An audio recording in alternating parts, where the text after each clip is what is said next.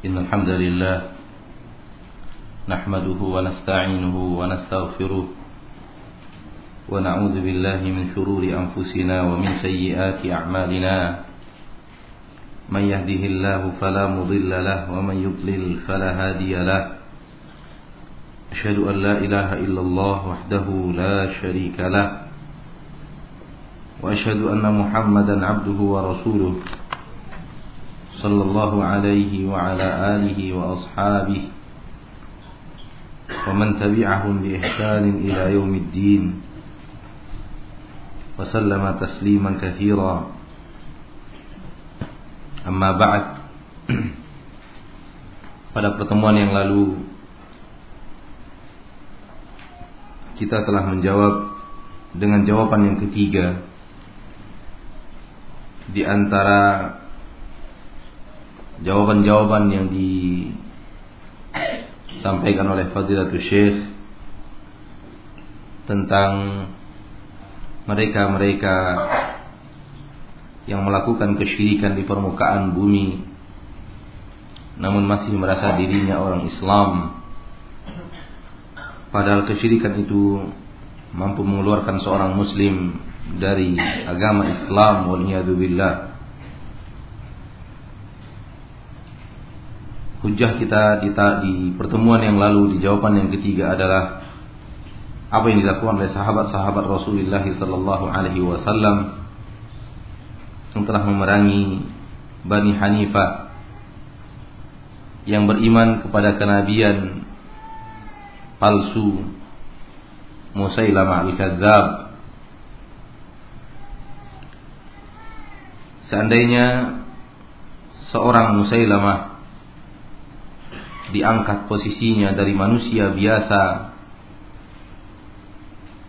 sampai ke jenjang kenabian setara dengan Rasulullah Shallallahu Alaihi Wasallam. Itu adalah kekufuran.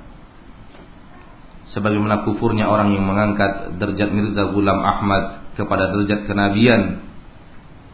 Dan siapa pun yang meyakini kenabian manusia setelah wafatnya Rasulullah Sallallahu Alaihi Wasallam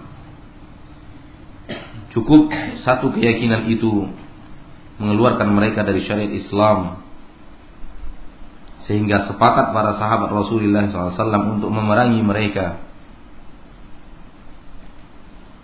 Kalau seandainya kufur itu hanya disebabkan Musailamah diangkat ke jenjang Nabi setara dengan Nabi Muhammad Wasallam, duhai gerangan Bagaimana dengan orang yang mengangkat seseorang suatu benda sampai ke jenjang ke, ketuhanan mengatur rezeki mendatangkan hujan menolak mara bahaya mendatangkan jodoh dan semacamnya tidak pantaskah orang ini lebih dekat kepada kekufuran dibanding orang yang mengangkat Musailamah seorang manusia sampai ke derajat kenabian Inilah jawaban yang ketiga. Namun ada satu hal yang kemarin luput Di jawaban yang ketiga adalah Adanya beberapa nama Seperti Syamsan, Yusuf. Ketika, ketika Syekh mengatakan Apabila seseorang telah mengangkat seorang lelaki sampai ke jenjang nabi, maka dia telah kufur. Halal darahnya, hartanya dan darahnya dan tidak berguna dan tidak dan tidak berguna dan bermanfaat syahadatainnya dan juga tidak salatnya. Lalu bagaimana dengan orang yang mengangkat Syamsan atau Yusuf atau sahab seorang sahabat atau seorang nabi ke jenjang Jabbar samawati wal ard, penguasa pengatur langit dan bumi. Syamsan dan Yusuf adalah nama dari nama-nama Tagut di zaman Fadilatul Syekh Muhammad berdakwah. Manusia-manusia yang diyakini memiliki kemampuan karena kesolehan mereka dianggap bisa mendekatkan manusia kepada Allah, bisa bertawassul untuk menurunkan hujan dan semacamnya. Dan situ maksudnya bukanlah Yusufnya Yusuf yaitu Nabi Yusuf alaihissalam tidak. Tapi Yusuf yang di zaman itu bukan bukan Nabi Yusuf, tapi seorang manusia bernama Yusuf di zaman itu yang telah wafat yang diyakini sebagai wali dan semacamnya yang mana banyak orang Islam yang datang kuburannya memohon kesehatan dan semacamnya.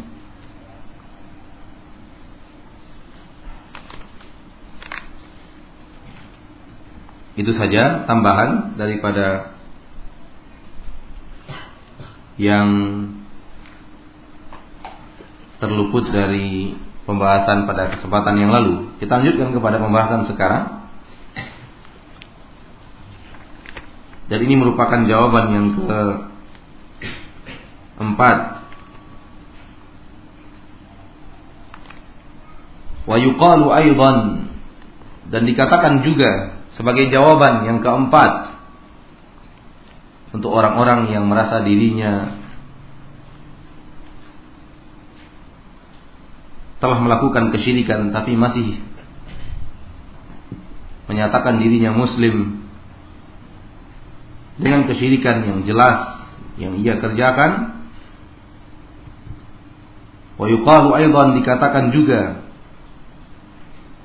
alladzina harraqahum Ali bin Abi Talib bin Nar radhiyallahu anhu.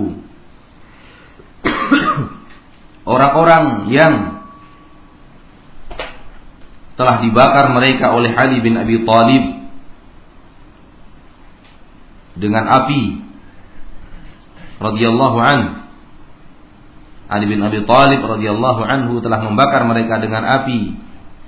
Kulluhum semua mereka yang dibakar oleh Ali bin Abi Thalib tersebut yadda'un al-Islam mendakwahkan dirinya adalah mendakwahkan Islam dan mendakwahkan dirinya sebagai seorang muslim. Wahum min ashabi Ali radhiyallahu an. Dan mereka dari sahabat-sahabat Ali radhiyallahu an wa ta'allamu al-ilma min as-sahabah. Dan mereka belajar ilmu dari para sahabat. Walakin akan tetapi ya'taqadu fi aliyin. Mereka meyakini pada Ali radhiyallahu anhu. Salam mithla fi Yusuf wa Syamsan wa amsalihima seperti apa yang diyakini manusia sekarang pada Yusuf pada Syamsan dan yang semisal dengan keduanya Fakaifa ajma'a sahabatu ala qatlihim wa kufrihim? Bagaimanakah sahabat ijma' sepakat ala qatlihim wa kufrihim untuk membunuh mereka dan menyatakan kekufuran mereka? Atau dhunnuna anna sahabata yukaffiruna al-muslimin?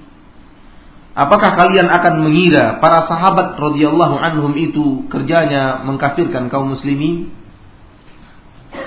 Am tadhunnuna anna al-i'tiqad fi tajin wa amsalihi la yadur? Atau kalian meyakini bahwasanya keyakinan-keyakinan syirik pada taj nama seseorang wa amsalihi dan yang semisal dengannya la yadur tidak memberikan mudarat apa pun, enggak ada masalah punya keyakinan dia bisa begitu dan segala macam.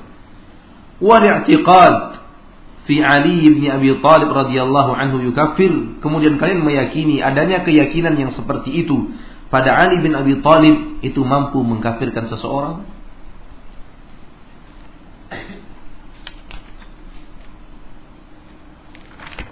Ini jawaban yang keempat.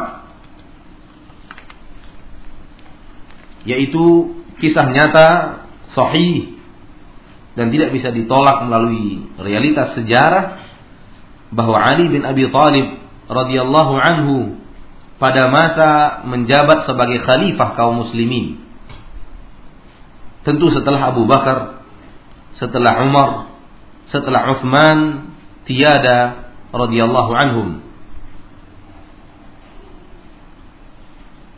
Ketika beliau menjadi Amirul Mukminin syaitan berhasil menyusupkan pemahaman kufur dengan izin Allah keberhasilan tersebut tentunya. Dan takdirnya kauni bahwa ada sebagian orang yang meyakini Nabi pada diri Ali bin Abi Thalib. Bahkan lebih daripada itu, setan berhasil menyusupkan keyakinan kufur bahwa Ali adalah ilah. Bahwa Ali radhiyallahu anhu adalah ilah. Di zaman Ali bin Abi Thalib. Dan sebahagiannya terjebak ke dalamnya adalah orang-orang yang ada di, di, di sekitar Ali radhiyallahu anhu. Ali radhiyallahu anhu marah sebagaimana seharusnya setiap muslim marah. Setiap muslimah marah apabila ada orang yang mengangkat manusia sederajat dengan Nabi kita Muhammad sallallahu alaihi wasallam. Karena tidak ada seorang pun yang pantas sederajat dengan Rasulullah sallallahu alaihi wasallam. Dari kalangan manusia tidak ada satupun bahkan tidak sampai kepada derajat Nabi Muhammad Nabi Ibrahim alaihissalam lalu bagaimana mungkin ada manusia di zaman sekarang? Atau tiga abad yang lalu, lima abad yang lalu, sepuluh abad yang lalu, derajatnya sampai kepada derajat Rasulullah Salawatu Rabbi wa salamu ini mustahil.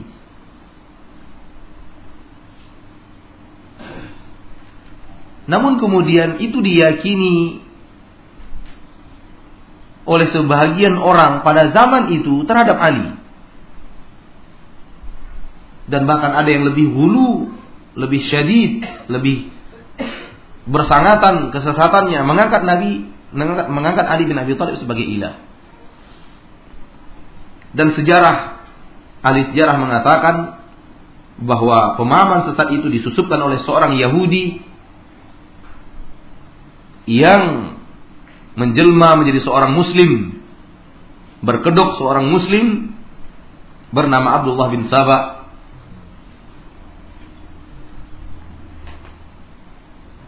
Yang kemudian dikenal sebagai gembong fitnah bagi kaum muslimin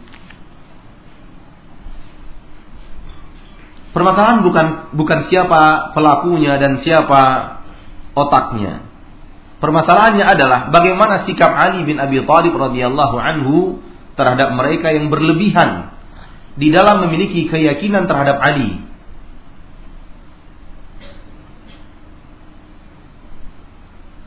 Ketahuilah bahwa Syiah zaman sekarang banyak yang mengangkat Ali radhiyallahu anhu sebagai nabi dan kita mendengar sendiri ketika azan mereka mengucapkan asyhadu anna Muhammadan wa aliyan Rasulullah. Saya bersaksi bahwasanya Muhammad dan Ali Rasulullah. Kita mendengar sendiri dengan kepala kita, dengan telinga kita. Dan itu diucapkan di Arafah. Dan kita mendengar di kesempatan lain mereka mengucapkan Ashhadu an la ilaha illallah wa ashhadu anna Muhammadar Rasulullah wa ashhadu anna Aliyan Nabiyallah. Dan itu mereka ucapkan secara berkelompok berjamaah dengan suara besar di dekat Marwah. Rasa malu. Namun aneh Mirza Gulam Ahmad dan pengikutnya dikufurkan dikeluarkan fatwa sesat sementara mereka sampai sekarang belum mendapatkan fatwa sesat tersebut. Padahal keberaniannya lebih parah daripada keberanian Mirza Gulam Ahmad dan pengikutnya.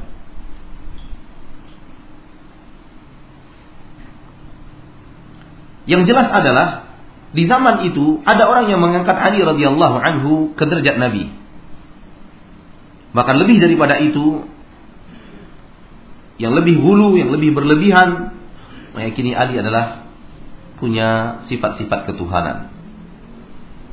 Ali radhiyallahu anhu ketika itu marah besar.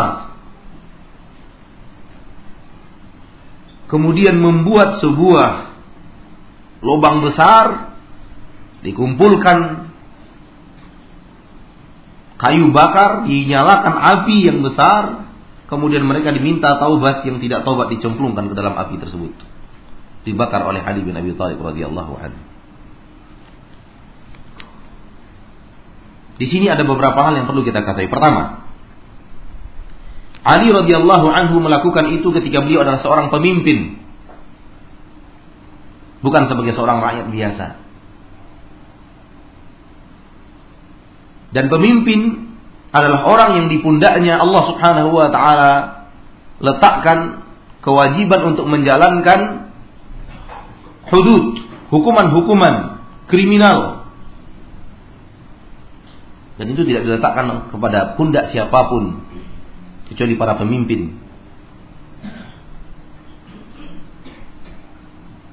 Yang kedua, Ali radhiyallahu taala anhu beristihad karena beliau adalah seorang pemimpin khalifah sekaligus seorang alim ulama. Walaupun kemudian sebagian para sahabat tidak setuju dengan cara Ali bin Abi Thalib menghukum mereka seperti yang dikatakan oleh Abdullah bin Abbas, andai mereka dipenggal saja kepalanya ini lebih baik daripada kemudian mereka di dibakar dengan api. Karena telah ada hadis dari Rasulullah SAW la yu'adzibu bin nar illa rabbun tidak ada yang boleh mengadab dengan api kecuali pemilik api yaitu Allah. Namun ini istihad seorang alim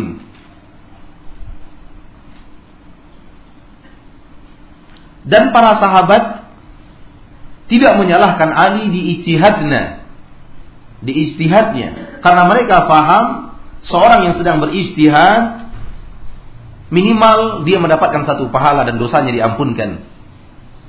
Kalau benar, kalau kalau itu salah, kalau dia benar dia mendapatkan dua pahala.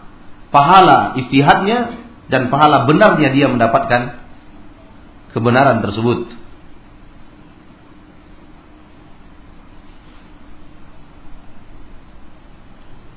Yang keempat,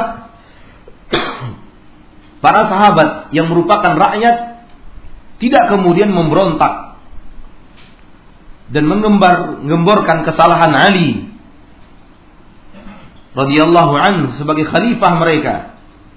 Walaupun kemudian mereka tidak setuju dan menganggapnya sebagai istihad Ali radhiyallahu anhu dan mereka tidak setuju mereka diam.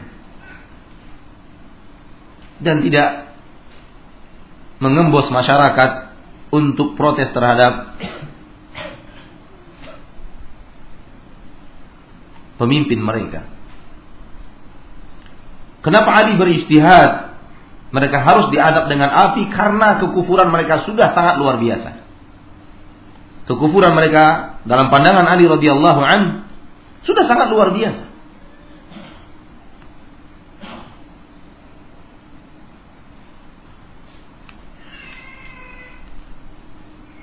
Ini hal-hal yang mesti diketahui di dalam sejarah Ali radhiyallahu an yang membakar orang yang meyakini dirinya sebagai nabi dan orang yang mengangkat dirinya ke posisi uluhiyah. Memiliki sifat-sifat ilah mengatur merawat, dan semacamnya. Itulah sejarah yang tidak bisa ditolak.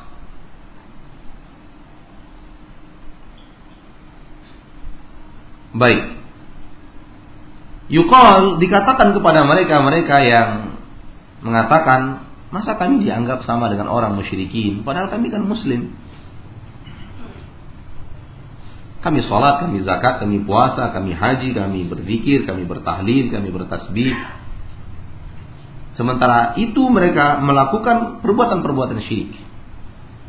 Bantahannya adalah mereka yang dipanggang oleh Ali radhiyallahu anhu dengan api. Kulluhum yadda'un al-Islam. Semua mereka menyatakan dirinya muslim. Memproklamirkan keislaman mereka. Bahkan wahum min ashabi Ali. Mereka di antaranya adalah orang-orang yang hidup di sekitar Ali radhiyallahu anhu, sahabat-sahabatnya. Menandakan bahwa dekatnya mereka dengan Ali bin Abi Thalib sebagai khalifah dan memang syaitan berhasil menjerumuskan mereka ke dalam akidah yang sesat itu karena kecintaan mereka yang berlebihan kepada Ali bin Abi Thalib. Karena kecintaan mereka yang berlebihan kepada siapa? Ali bin Abi Thalib. Oleh karena itu kembali kita kepada pelajaran kita yang dulu sekali masih dalam kitab ini bahwa banyak sekali syaitan menjerumuskan akidah seorang muslim dan muslimah ke dalam kesyirikan berasal dari ia tanamkan cinta yang berlebihan kepada seorang orang alim. Pintu yang sangat hebat, senjata yang sangat ampuh bagi syaitan laknatullahi alaih dan pengikutnya untuk menjerumuskan kaum muslimin ke dalam kesyirikan yang paling senjata yang paling ampuh tanamkan kecintaan yang berlebihan kepada seorang alim. Cinta kepada orang alim itu disyariatkan. Yang dilarang itu cinta yang berlebihan. Cinta kepada ulama disunnahkan yang tidak boleh itu berlebihan. Bagaimana berlebihan? Diangkat dia ke jenjang yang tidak pantas dia diangkat ke jenjang tersebut. Dinyatakan tahu yang gaib. Mengerti apa yang akan terjadi di masa yang akan datang. Itu telah mengangkatnya ke jenjang yang tidak pantas dia sampai di jenjang itu. Karena yang tahu yang gaib hanya Allah. Yang tahu apa yang terjadi di masa yang akan datang hanya Allah. Ketika kita mengangkat seseorang karena cinta kita yang berlebihan kepadanya, kepada jenjang yang seperti itu, sungguh kita telah mengangkat orang yang kita cintai sampai ke jenjang ketuhanan. Dan ketika itu terjadi, kita telah menyamakan seorang manusia yang kita cintai dengan Allah pencipta langit dan bumi. Dan ketika itu terjadi, kita telah melakukan kesyirikan, menyetarakan antara Allah dengan suatu makhluk, seorang manusia. Dan ketika itu terjadi, berarti syirik telah kita laksanakan. Dan ketika itu terjadi, hapus Islam dari kehidupan kita. Waliyahdubillah. Hapus amalan-amalan yang pernah kita amalkan seumur hidup.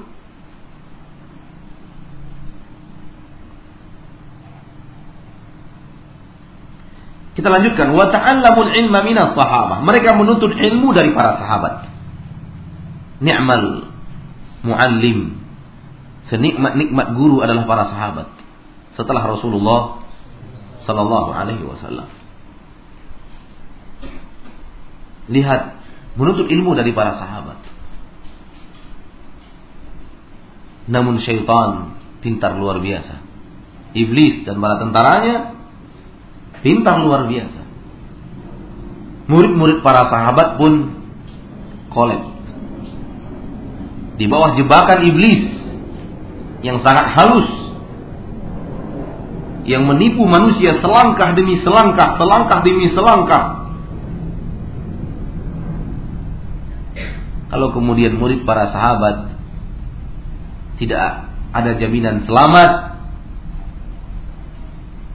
dari jebakan iblis laknatullahi alaih, bagaimana dengan murid seorang manusia di zaman sekarang? Oleh karena itu wajib dan wajib kita senantiasa meminta kepada Allah perlindungan daripada syaitan, jebakannya, syaitan, hembusan dan tiupannya, syaitan dan kesombongannya, syaitan dan sihirnya.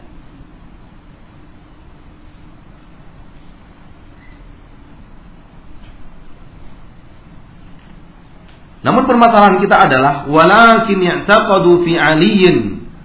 Namun yang terjadi, mereka memiliki sebuah keyakinan, meyakini sesuatu pada Ali radhiyallahu an mitla i'tiqadi seperti keyakinan mereka pada Yusuf dan Syamsan dan yang semisal dengannya.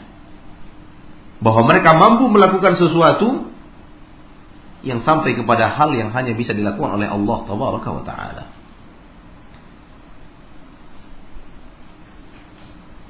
Persis. Apa yang diyakini kata Syekh, sebahagian kaum muslimin pada jiwa Syamsan dan Yusuf seperti itu pula yang diyakini dulu. Ketika Ali bin Abi Thalib menjabat sebagai Amirul Mukminin keyakinan sebahagian orang-orang yang sebahagiannya bahkan ada di sekeliling Ali radhiyallahu an terhadap Ali. Sama Fakaifa ajma'a sahabah Bagaimana mungkin para sahabat ijma' sepakat ala qatlihim untuk membunuh mereka wa kufrihim dan mengkafirkan mereka? Sepakat para sahabat. Kufur.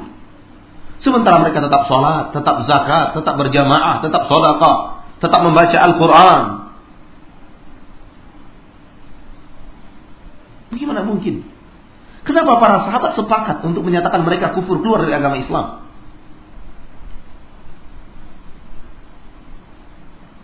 Lalu kenapa tidak boleh mengeluarkan orang dari agama Islam ketika dia mengangkat seorang saleh di permukaan bumi sampai ke derajat ilah?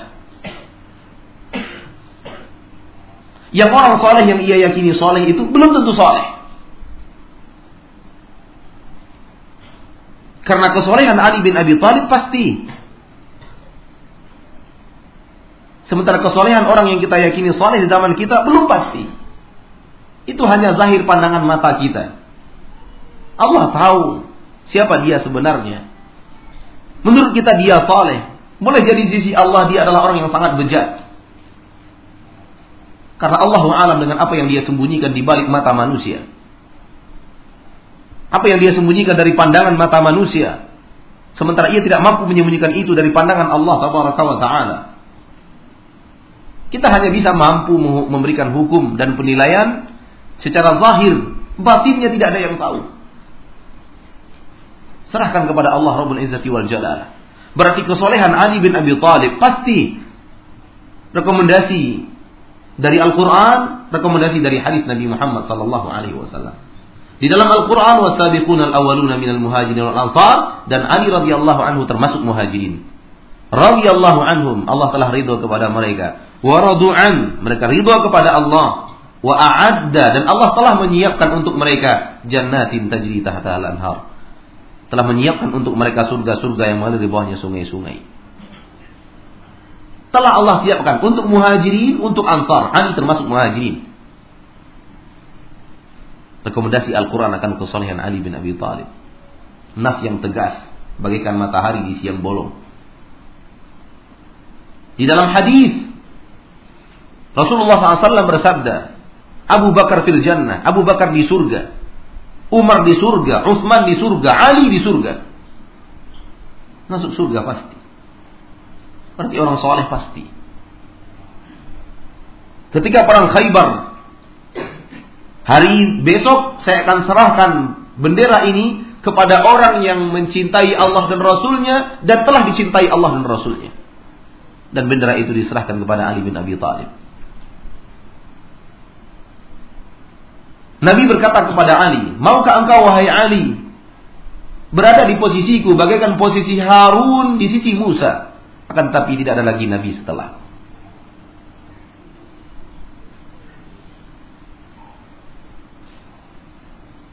Karena saking salehnya Ali bin Abi Thalib, Rasulullah rela menjadikannya menantu untuk anak kesayangannya, putri kesayangannya. Fatimah radhiyallahu anha pemimpin wanita surga Ali kesolehannya pasti. Namun orang yang anda yakini saleh belum tentu orang saleh. Walau mungkin masuk ke dalam orang saleh. Kalau ataupun dia masuk ke dalam orang saleh, barisan kaum kaum yang saleh, pasti kesolehannya tidak sampai kepada kesolehan Ali bin Abi Thalib itu pasti.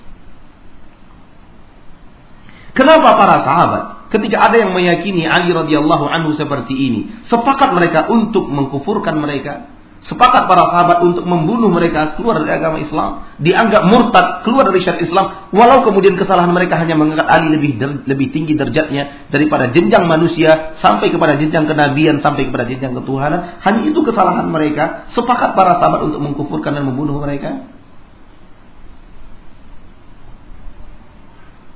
Atau anna sahaba yukafiruna al-muslimin? Apakah engkau akan mengira para sahabat itu kerjanya mengkafirkan kaum muslimin? Seperti yang Anda nyatakan, kenapa kami dihukum kufur? Hanya dengan meminta berkah, hanya dengan bertawasul. Kami ingin mendekatkan diri kami kepada Allah melalui mereka-mereka. Kami meminta mereka mendekatkan diri kami kepada Allah. Tujuan kami Allah. Anda langsung, kami melalui perantara. Perantara itu yang syirik. Perantara itu yang syirik. Seluruh agama para nabi dan para rasul mengharamkan perantara antara hamba dan Allah. Seluruh agama nabi dan rasul menyuruh seorang hamba berhubungan langsung dengan Allah taala.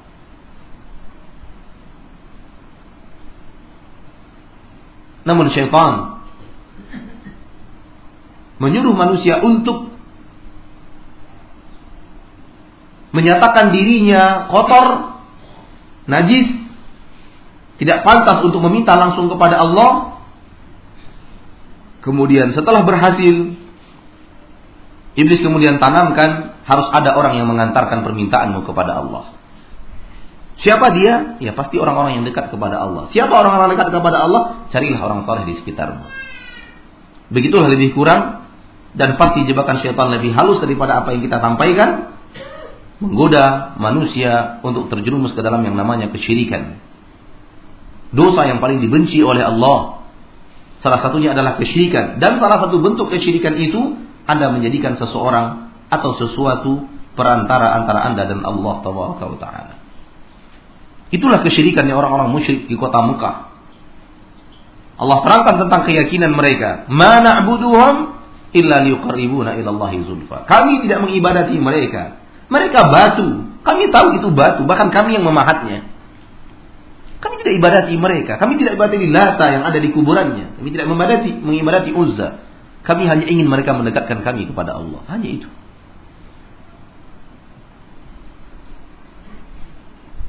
Maka orang-orang yang bacaan bacaan Al-Qur'annya dipersembahkan kepada sebuah kuburan keramat agar penghuni kuburan itu membawa bacaan Al-Qur'an mereka kepada Allah, itulah yang telah menjadikan perantara antara dia dan Rabbnya tabaraka wa ta'ala. Padahal Allah di dalam Al-Quran selalu menyuruh kita berdoa langsung kepada Allah. Ud'uni. Berdoalah kepada aku. Bukan kepada wali, bukan kepada siapa pun dari kalangan manusia agar mereka yang menyampaikannya kepada Allah tabaraka wa ta'ala. Ud'uni, berdoalah kepada aku. Astajib lakum, aku akan kabulkan untuk kalian. Wa idza sa'alaka ibadi anni fa inni qarib ujibu da ujibu da'wata da'i idza da'ani. Da'ani berdoa langsung kepada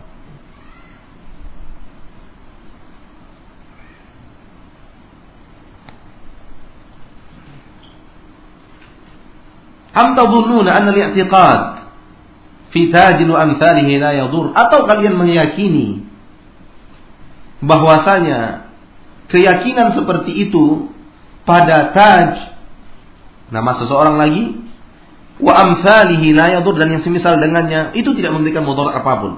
Akan tetapi wal i'tiqad fi Ali keyakinan seperti itu pada Ali bin Abi Thalib radhiyallahu anhu yukafir mengkafirkan sebuah jawaban yang tidak mungkin mereka katakan iya punya keyakinan seperti itu kepada Syamsan dan Yusuf, kepada kuburan-kuburan keramat siapa pun namanya, tidak memberikan mudarat apa pun, sementara kalau keyakinan yang sejenis itu diberikan kepada seorang sahabat seperti Ali bin Abi Thalib mampu mengkafirkan kita dari agama Allah. Kalau boleh dihitung-hitung kepada Ali kafir, kepada orang ini lebih kafir lagi. Karena derajatnya yang jauh di bawah Ali bin Abi Thalib radhiyallahu taala anhu. Apalagi kemudian kalau yang diyakini itu Tidak pakai sholat Jumat berjamaah.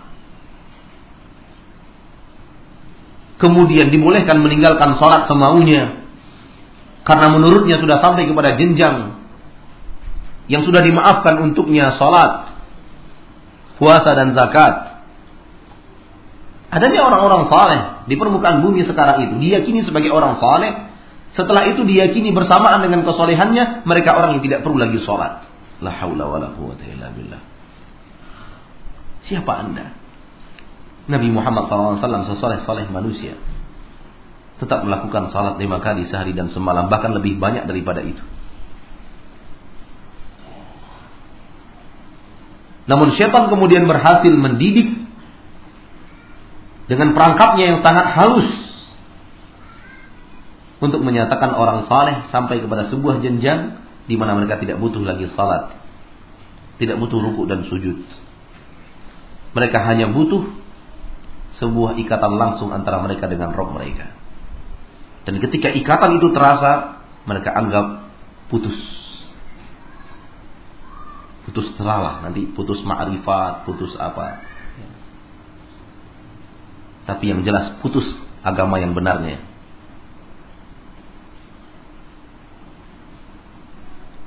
Bagaimana mungkin orang yang meninggalkan salat dianggap alim? Bagaimana mungkin?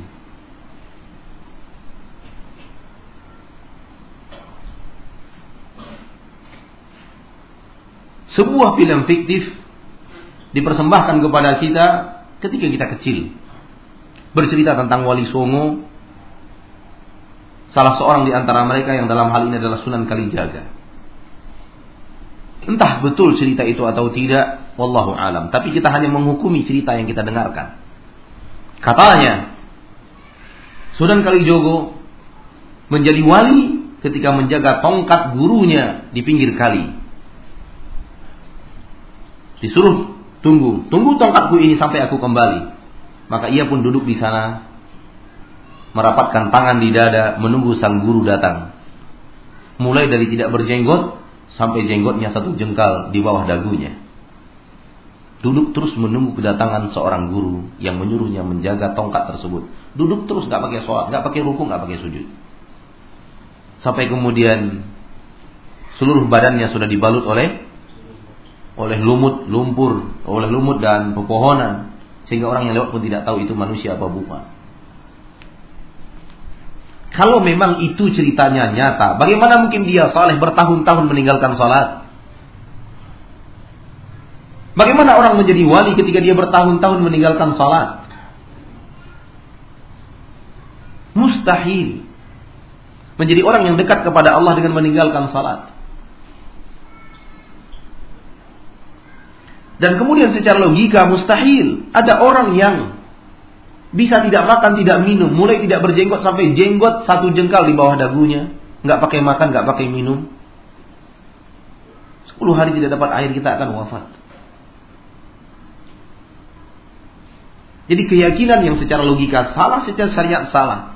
Tapi kemudian dipaksakan untuk diyakini oleh kaum muslimin bahwa itulah jalan mencari kewalian.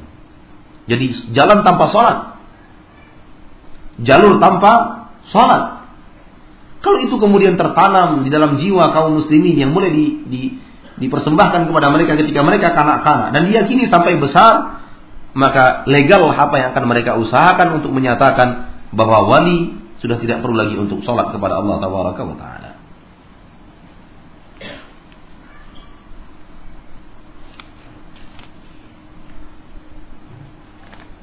Dengan bantahan yang keempat ini nyatalah bahwa ketika para sahabat mengkufurkan mereka yang mengangkat Ali kepada kepada jenjang kenabian kepada jenjang yang hanya dimiliki oleh Allah taala sepakat para sahabat mengkufurkan mereka menyatakan mereka murtad keluar dari syariat Islam Fahamlah kita bahwa itulah keyakinan yang benar terhadap orang yang meyakini hal yang sama di zaman sekarang ini kepada siapa pun. Karena mustahil para sahabat sepakat di atas kesalahan. Abdullah bin Abbas bukan tidak sepakat akan kekufuran mereka. Namun tidak sepakat, kurang menyetujui cara membunuhnya. Sebagaimana tidak setujunya Abdullah bin Mas'ud radhiyallahu anhu dengan cara Utsman yang menjadi pemimpin ketika itu radhiyallahu anhum ajma'in ketika Utsman menjadi pemimpin salat di Mina empat rakaat. Padahal Rasulullah SAW salatnya hanya dua rakaat. Utsman beristihad radhiyallahu an dengan banyaknya futuhat Islamiyah, pembebasan wilayah-wilayah Islam, banyaknya orang-orang yang baru masuk agama Islam yang diajarkan di negeri mereka salat zuhur dan asar empat rakaat. Kemudian datang musim haji sekali itu, bertemu dengan para sahabat. Ternyata para sahabat di Mina sholat hanya dua rakaat zuhur dan asar. Dikhawatirkan oleh Uthman, mereka kembali ke negeri mereka merubah sholat zuhur dan asar menjadi dua rakaat karena mereka melihat para sahabat hanya sholat dua rakaat. Itu yang menjadi pertimbangan Uthman radhiyallahu anhu dan akhirnya beliau beristihad untuk menjadikan sholat zuhur dan asar di Mina dan Isya tetap empat rakaat pada waktunya. Dilakukan oleh seluruh para sahabat. Lalu kemudian dinyatakan bahwa sunnahnya hanya dua. Abdullah bin Mas'ud ditanya bagaimana ini? Kata beliau sunnahnya hanya dua. Lalu kenapa anda sholat juga di belakang Utsman? Abdullah bin Mas'ud mengatakan alih ikhtilafu syar. Perbedaan pendapat itu adalah sebuah kejelekan, nggak baik. Ikuti pemimpin yang telah beristihad. Demikian juga dengan Abdullah bin Abbas, bukan tidak setuju menyatakan bahwa mereka murtad dengan keyakinan yang seperti itu, namun kemudian yang tidak beliau setuju hanya cara membunuh mereka. Karena mereka para sahabat lebih mendukung tinggi Rasulullah dibanding istihad manusia siapa pun di zaman mereka. Dan itulah yang semestinya juga ada pada jiwa kaum muslimin dan muslimat sekarang ini menjunjung tinggi kebenaran yang datang dari Al-Quran dan hadis Nabi Muhammad di atas istihad siapa pun di permukaan bumi ini yang mereka anggap saleh. Seandainya mereka meyakini bahwa para sahabat kerjanya mengkafirkan kaum muslimin,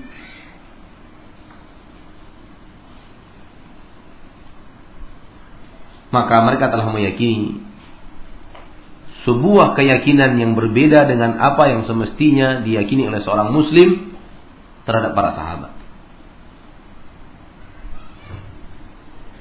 Karena para sahabat radhiyallahu anhum udul orang-orang yang telah direkomendasi akan kesolehannya oleh Al-Quran dan Hadis. Bagaimana mungkin kerja mereka mengkafirkan terus orang yang tidak pantas untuk dikafirkan. Dia para sahabat mengkafirkan, namun yang dikafirkan itu pasti orang yang pantas untuk dikafirkan.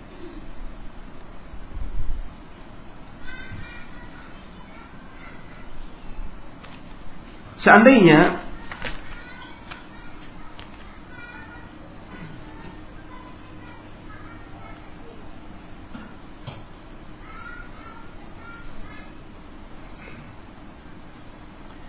Mereka mengatakan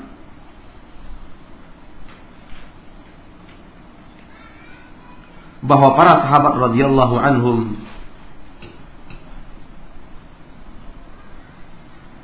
keyakinan tentang mereka mengkafirkan sementara keyakinan tentang Taj tentang Yusuf tentang Syamsan tidak mengkafirkan maka mereka telah melakukan kesalahan besar dan mereka tidak akan berani menyatakan itu.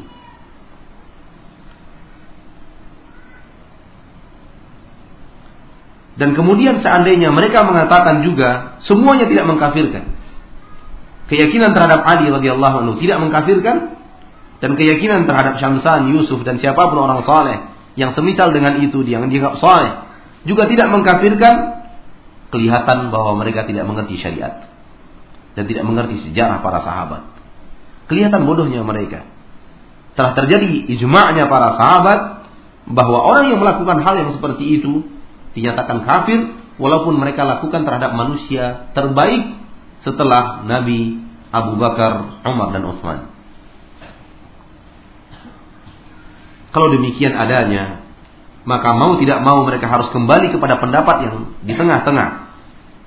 Mereka akan harusnya tunduk kepada sebuah keyakinan bahwa barang siapa yang mempersembahkan apa pun jenis ibadah, mempersembahkan apa pun jenis ibadah kepada siapa pun selain Allah, maka dia adalah kafir, keluar dari agama Islam, murtad dari syariat Islam. Ketika orang menyatakan itu kepada Ali, keluar mereka dari agama Islam. Ketika orang menyatakan itu kepada yang bukan Ali, siapa pun dia di zaman apa pun dia berada keluar dari agama Islam. Dan itu yang hak. Oleh karena itu berhati-hati kaum muslimin wal muslimat di dalam kecintaan kita kepada orang saleh. Kita boleh cinta kepada orang saleh. Bahkan itu dianjurkan di dalam syariat, bahkan itu diperintahkan. Siapa lagi orang yang akan kita cintai kalau bukan orang-orang saleh? Para ulama yang mewarisi ilmu para nabi dan para rasul sesuai dengan kadar yang telah mereka miliki. Seorang teman yang mengajak kita kepada jalan Allah dan Rasulnya. Seorang sahabat yang mengarahkan kita kepada ketakwaan dan ibadah. Siapa lagi yang pantas untuk kita cintai selain mereka? Mereka pantas untuk dicintai. Bahkan pantas dibela dengan harta dan jiwa kita. Namun tidak boleh berlebihan. Karena berlebihan itu yang telah menghanyutkan banyak orang dalam meyakini sesuatu yang mengantarkan mereka kepada kesyirikan. Wallahu taala alam. Sallallahu wasallam ala nabiyyina Muhammad walhamdulillahi rabbil alamin.